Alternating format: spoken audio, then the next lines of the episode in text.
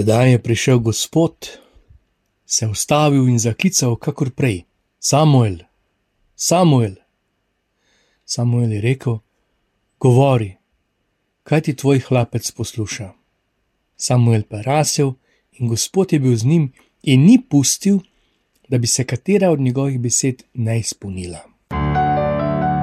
Glas pastirja. Bog živi, lepo zdrav, druga nedelja med letom.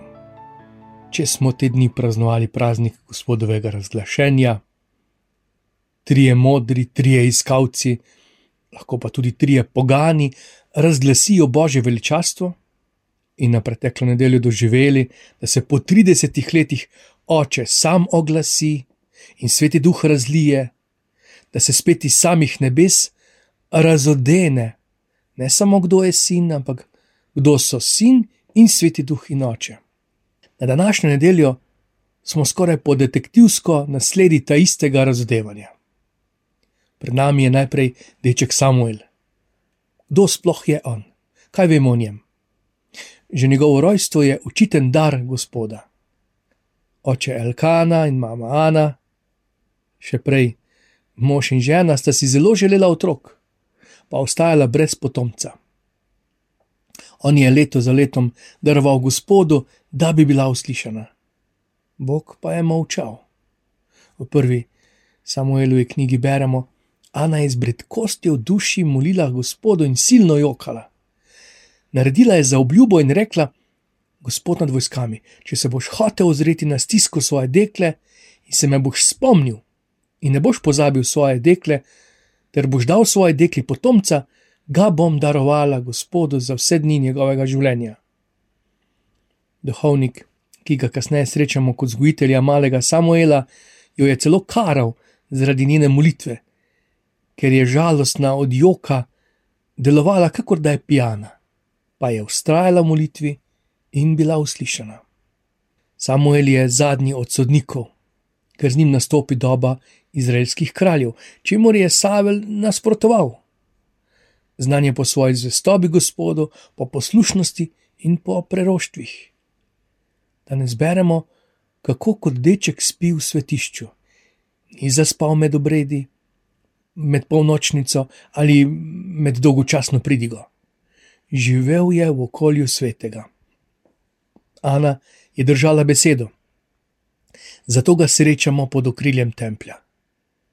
Jaslice po domovih in crkvah verjetno še stojijo, tja do svečnice. Osrednji lik je gotovo Jezus, pa vendar nas vedno znova vse poti pripeljajo do njegovih staršev. In Marija je bila v bližini templja, tam je odraščala. Zdaj je to morda veruk. Pa bi si kdo upal razvijati to misel še naprej, da je veruk področje svetega templja? Pa spet ponavljam, ni problem veruka, tudi ne katehetov staršev. Samo mali prelet, statistično. Koliko otrok krščenih, torej kristijanov, je še v vzdušju vere? Koliko od teh v bližini Boga? ne govorimo o nedeljski maši, to je peščica, ampak koliko jih spi v okrilju cerkve, templja, koliko znotraj zakramentov. Na misel mi pride popolnoma nov most, ki ga je venezuelska vlada zgradila s pomočjo Kitajske.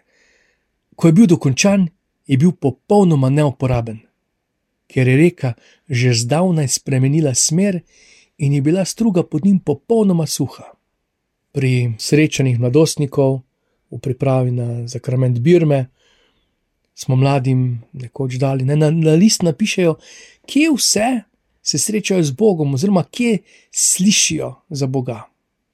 Večina je pisala zelo različno. Eni iz izkustva, uh, eni, kar si mislijo, da bi župnik rad slišal, to je večina napisala, eden pa je oddal prazen list in sicer argument, z argumentom: O Bogu ne slišim nikjer. Prav boleče in podoben primer pred nekaj leti na temo molitve, osebne in družinske, mi je večina priznala, da nikoli ne moli. Da ne bo pomote, to so mladostniki dve leti pred Birmo. in sem jih hotel dati v okrilje molitve družine. Če ne molite vi, pa molijo vaši. In jih je kar nekaj odločno zanikalo. Mi ne molimo in za me nihče ne moli. Torej, odraščajo z občutkom, da v njihovi okolici prav nihče ne moli. Kaj šele za njih? Jaz sem odločno oporekal, jaz molim, vedno molim za svoje veroučence in nisem edini. Ampak je bolelo in še vedno boli. Samuel pa spi in doživi klic enkrat, dvakrat, trikrat. Vsakič se prebudi, prvič celo steče. Kaj vse se je v spanju že rodilo? Od čisto preprostih sanj, ki se jih po večini več ne spominjamo, do večjih odkritij, izumov, dognan.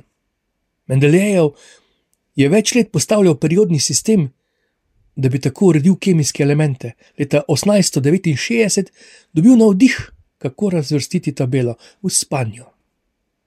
James Watson leta 1953 odkril strukturo DNA. Sam je potrdil, da je idejo o dvojni vijačnici dobil iz sanj, kjer je videl lestev. Potem poznamo bitle. Paul McCartney se je prebudil iz spanja in mu je v šestih odmevala ena pesem. Bil je prepričan, da jo je slišal iz ulice, spal je v mansardni sobi. Sedel se je za klavir, jo poskušal zapeti. Pa preden so jo posneli, je večkrat spraševal druge, če kdo pozna avtorja te pesmi. Neverjetno. In prepričan sem, da je teh nočnih podvignov, podvigov še mnogo več. Vsem pa je skupno, da gredo v akcijo. In smo spet pri noči in pri akciji. In pri mirnem spancu in dobrem spancu, tu ni slabe volje, ker so ga zbudili, ni nespečnosti zaradi hrupa na ulici, zaradi joka otrok, ne morem spati, ali pa zaradi zamere v srcu. Tu nastopi veličina majhnih. Samuel ima nekoga, h kateremu lahko gre ima nekoga, ki ga lahko zbudi in mu lahko zaupa o nočnih sanjah, o teh prisluhih. Elis prva ni vedel, zakaj gre. Ni negodoval, ni se zaklenil v sobo, da ga ne bo ponovno zbudil, ni kaznoval dečka. Razbiral je in razbral, prepoznal je, razločeval, da Gospod kliče. Teh Elijev nam manjka. Navodilo, ki mu ga da, je: povej stavek in umokni, potem poslušaj. Nista imela veručne ure, kako se obnašati v prisotnosti Boga. Najprej se primerno obleči, eh, v pižami se, se, se ne spodobi, potem se umi, po usta, da ne boš imel zadaha, pražnje se obleči. Pojej kaj, da ti ne bo krulilo v želodcu. Še pri tem kaj zmoli, da ti misli ne bodo begale, ko pride Gospod kaj mu zapoj, pokažemo domačo nalogo, pa slike z romanja, posnetek slovesnosti, ko smo žegnali nove zvonove. Ne. Ali da preprosto navodilo, ti samo reči: Govori Gospod, tvoj hlapec posluša. Kako preprosto in kako lepo. Sicer pa, kaj nebesa briga tvoje recitiranje če znaš vrstni red zakramentov, grozno pohujšanje v dolini slovenski. Vse te sodobne generacije, po statistiki krščenih poganov, so znale zakramente na pamet in tudi naredile so jih, tako rečejo. Redki pa so se zbudili, ko je Gospod klical, še redkejši poiskali nekoga, ki bi mu ta klic lahko podelili, in še redkejši, ki bi se postavili pred Gospoda, samo kot Marija, in se dali na razpolago gledal sem nek posnetek poroke, najporoke iz Amerike, ko poročevalec bere tekst, ženi in nevesta lepo pridno za njim ponavljata, ženi in ponovi vse, pred nevesti pa se zatakne. Ko bi morala ponoviti, da mu bo pokorna, je omoknila. Malo so se začudili, potem so se vsi nasmihali, lahkotno šli naprej. Ona je doživljala kot ponižanje, da bo pokorna. Pa gre za držo v ljubezni, in do ljubezni. Ona se izroči tej ljubezni in on umre za to ljubezen. Ta nevesta, vsa lepa in uzaljšana, na pragu zakramenta, pa naj bo to krst, birma, poroka, na pragu objema Boga samega, kar zakrament je, ne zmore reči: Tukaj sem, Gospod, govori, samo hlapec sem, poslušal te bom.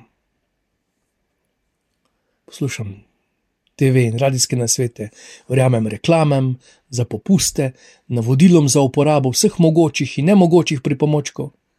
Poslušam zdravnika, poslušam profesore, poslušam vremenoslovce, še celo horoskop kot pobožni pogan prebiram. Tebe, Gospod, pa ne vem, če bi te poslušal. Nikoli ne poveš kaj konkretno koristnega, večinoma molčiš. No, sicer je res, da večinoma jaz govorim, jaz prosim, jaz se pritožujem, pričakujem, zahtevam moj jaz. No, dejansko sem redko tiho, redko dam besedo tebi. Tako se berilo prelijo v psalm, tvojo besedo, tvojo voljo nosim v svojem srcu. Živeti po tvoji volji, po tvoji želji, me veseli. Če je v srcu mir, ne bo prostora za razdor. Če je svetloba, ni prostora za temo, če je toplina, ni prostora za mržnjo. Če volja Gospoda, ma ne, če ga imamo radi, bomo prehitevali njegov hočem. Ne bo rabil ponavljati kot mama pubertetniku. Če vem, kaj hoče, če vem, kaj on želi, in uresničevati njegovo željo, mi je v radost življenja. Zato Marija ni trpinka in ni uboga, pokončna, sjoča, srčna, pa čeprav dekla, ki pa jo čestijo vsi rodovi. Paradoks božje veličine. Ko poklekneš pred Bogom, ti ni treba klečati več pred nikomer. Zato pred nas stopa Janez, ki ne želi, da bi njegovi učenci ždeli v njegovi senci. Prišel je na rob puščave, vse do Jordana, v življenje pa nima dostopa, zato tja čez pošilja svoje učence, naj gredo z jagnetom. In tisti, ki so sledilci, nagovorijo nove. Andrej privede brata Simona. Ni mu samo omenil, kje je preživel dan, bil je navdušen in močno prepričan. Odrasel človek, ki zastavi svoj čas, svoj ugled, to nekaj pomeni ne prodaja novitet od vrat do vrat, za življenje gre. In brata je celo privedel do Jezusa. Od takrat naprej, to pa je potem njuna zgodba. Močno me spominja na Alfa, kar res, res priporočam, ker ne gre za Alfa, za Alfa srečanja. Ker ne gre za to, da te pripeljem do Jordana ali do nedeljske maše ali do duhovnih vaj ali do enega fajnega župnika tu sem se ponovno ogrel, ponovno sem prisluhnil, ponovno sem se navdušil. Kaj se sedaj dogaja med menoj in gospodom, je druga zgodba, vendar si želim še koga privesti do tega srečanja, da tudi ti zaslišiš, koga iščeš. Kaj si pravzaprav želiš, kaj so tvoje sanje, kaj te ohranja pri življenju? Jezus to vprašanje zastavil učencem, zastavi ga Magdaleni, na veliko nočno jutro in zastavlja ga meni sedaj. Zato, da moje srce spet oživi in se vname nad življenjem. Vse res, kaj sploh hočem v življenju? Bog živi, vse dobro.